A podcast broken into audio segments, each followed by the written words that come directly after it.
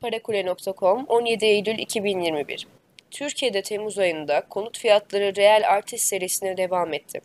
Türkiye Cumhuriyet Merkez Bankası'nın yayınladığı konut fiyat endeksine göre yıllık bazda konut fiyat artışı %31,5 oldu.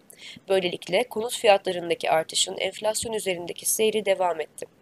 Aylık bazda bakıldığında ise artış %2,77 olarak kaydedildi. Avrupa Merkez Bankası gelecek yıl gerçekleştireceği iklim stres testlerinde büyük bankalarının kredilerinin yanı sıra trading faaliyetlerini de inceleyecek.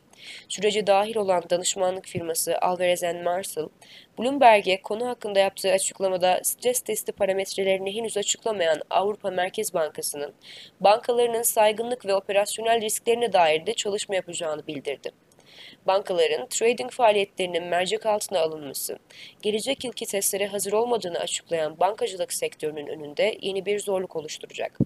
Avrupa Merkez Bankası son dönemde bankacılık sektörü üzerinde bu konudaki baskısını artırdı.